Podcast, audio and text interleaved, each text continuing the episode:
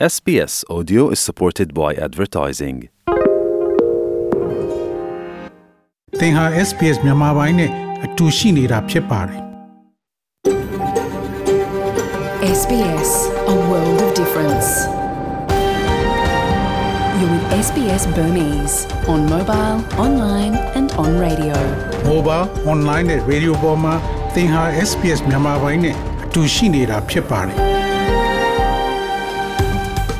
သောရရှင်များချက်သိမင်္ဂလာဖျားဖျားနဲ့ပြည့်စုံတော်မူကြပါစားခင်ဗျာ။ယနေ့ဇွန်လ18ရက်စနေနေ့မြန်မာပိုင်းစီစဉ်များကို SPS Radio မှစတင်အသံလွှင့်နေပါရခင်ဗျာ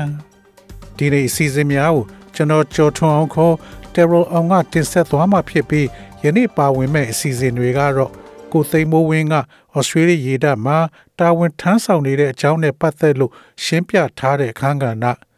အခြေချနေထိုင်ခြင်းလမ်းညွန်ကရေနဲ့ရေအနီးနားမှာလုံချိုဘေးကင်းစွာဘလို့နေသင့်လဲဆိုတဲ့ဆောင်းပါး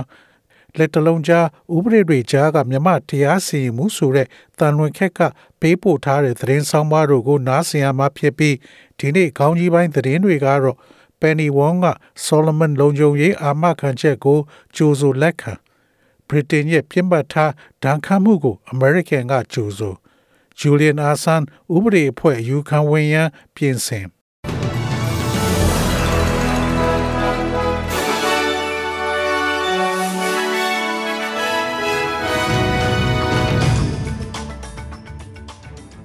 ယခုချိန်ကစပြီးသတင်းများကိုကျွန်တော်ကြော်ထုတ်အောင်ကစတင်ဖတ်ကြားပါတော့မယ်။ Penny Wong က Solomon လုံခြုံရေးအာမခံချက်ကိုကြိုးဆိုနိုင်ငံခြားရေးဝန်ကြီး Penny Wong ကဝန်ကြီးချုပ် မနဆာဆိုဂဗာနဲ့ဆွေးနွေးရာတွင် Solomon ကျွန်းစုနဲ့တရုတ်နိုင်ငံတို့ကြားလုံခြုံရေးသဘောတူညီချက်နဲ့ပတ်သက်လို့ Australia ရဲ့စိုးရိမ်ပူပန်မှုများကို ထုတ်ဖော်ပြောဆိုခဲ့ပါတယ်။အထက်လွှတ်တော်အမတ်ဝေါန်သည်မြို့တော်ဟွန်ညာရာသို့အချင်းချင်းသွားရောက်ခဲ့ပြီးဩစတြေးလျနိုင်ငံသည် အသက်9နှစ်မှ17နှစ်ကြားကလေးငယ်များအားကာကွယ်ဆေးထိုးအားတွင်ကူညီရန်အတွက် နောက်ထပ်ကိုဗစ်ကာကွယ်ဆေး2သိန်းလှူဒါန်းမှာဖြစ်ကြောင်းကြေညာခဲ့ပါတယ်။ဒေသတွင်လုံခြုံရေးအပါအဝင် အပြုသဘောဆောင်တဲ့ခြေပြတ်တဲ့ဆွေးနွေးမှုတွေရှိခဲ့တယ်လို့သူမကပြောပါတယ်။ Solomon ကျွန်းစုများတွင်စစ်အခြေစိုက်စခန်းတစ်ခုသို့မဟုတ်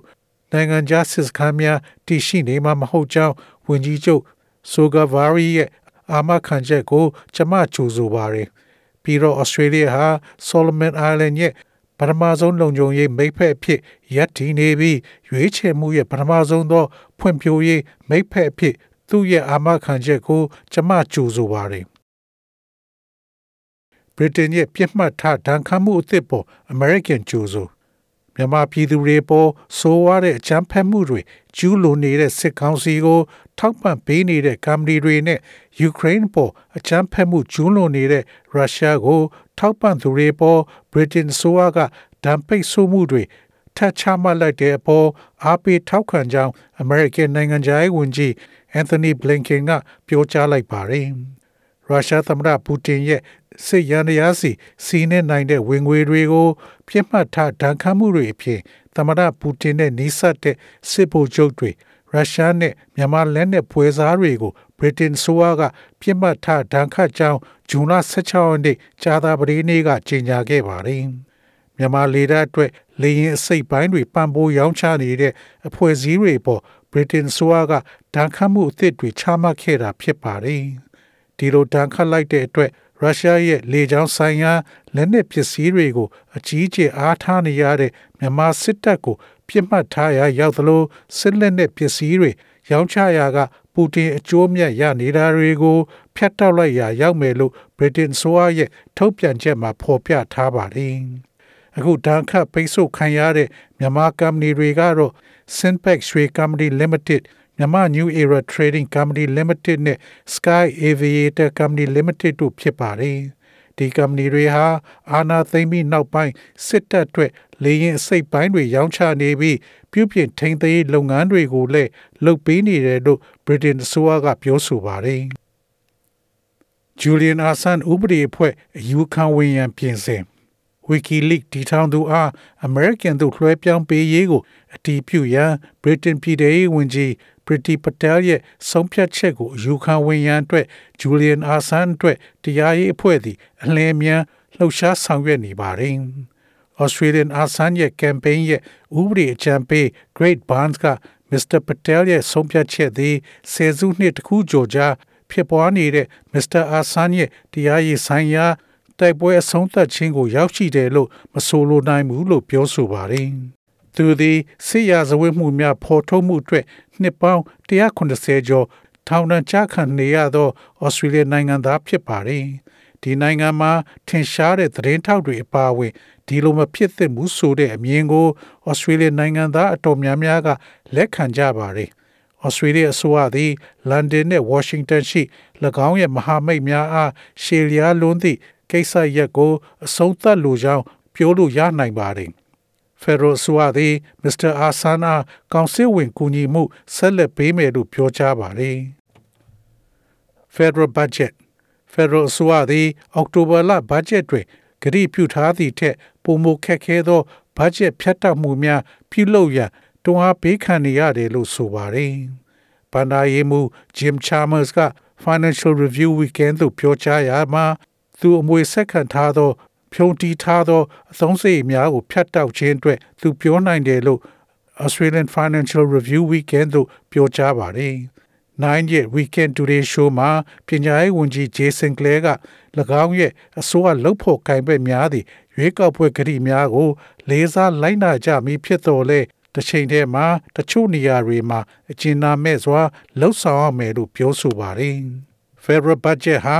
ပြည်내ဘတ်ဂျက်အများစုထက်ပိုဆိုးနေပါတယ်။ဒါကြောင့်ချင်းပြောနေတာကရွေးကောက်ပွဲအတွက်ပေးထားတဲ့ကတိကဝတ်တွေကိုအကောင့်တွေဖော်ဖို့အောက်တိုဘာလမှာဒီဘတ်ဂျက်ကိုချပေးတဲ့အခါတေချာအောင်မမမကန်နဲ့ဖြုံးတိမှုတွေရှာဖွေဖို့ line by line သွားမှာပါဆိုလိုတာကခွန်ဆောင်သူတွေဟာသူတို့ပေးထားတဲ့ငွေတန်ဖိုးအတိုင်းရရှိတဲ့ဆိုတာသေချာအောင်လုပ်ဖို့ပါ ယူကရိန်းစစ်ပွဲမှာပြစ်ချခံရတဲ့ရုရှား drone မြန်မာစစ်တပ်ဝယ်ယူ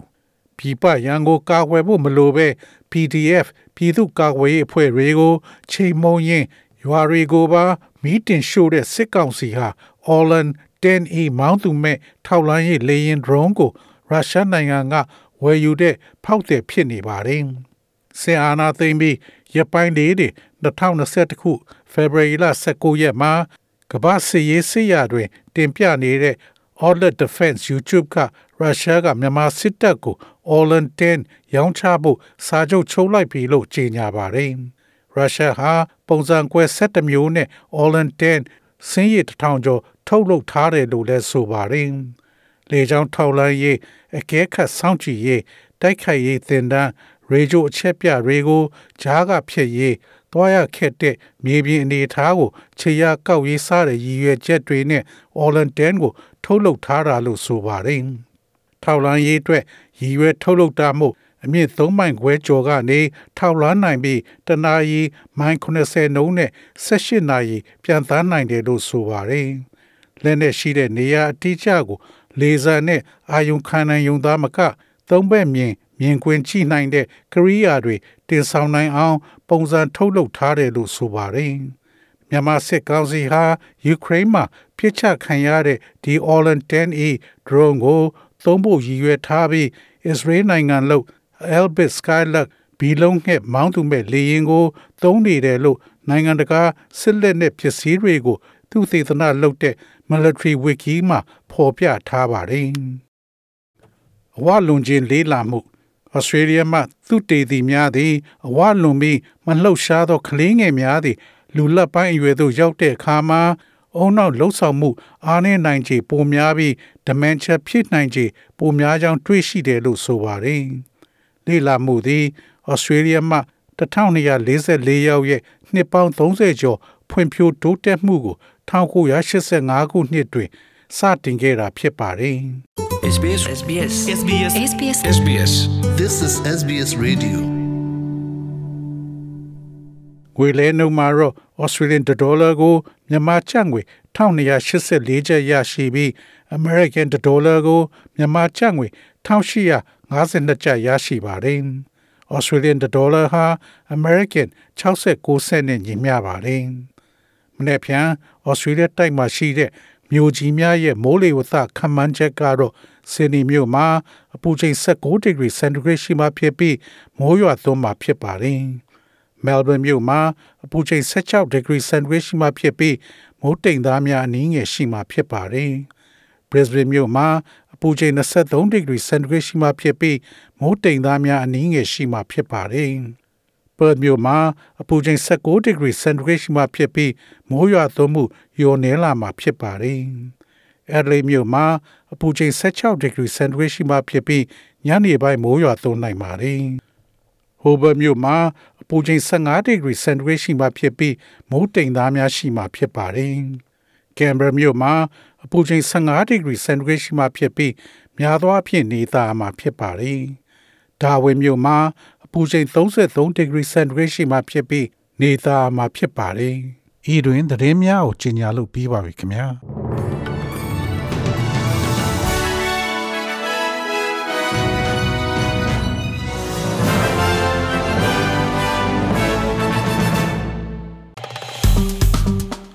SBS မြန်မာပိုင်းကို Facebook ပေါ်မှာ like ရှာပြီး like မျှဝေမှတ်ချက်ပေးပါ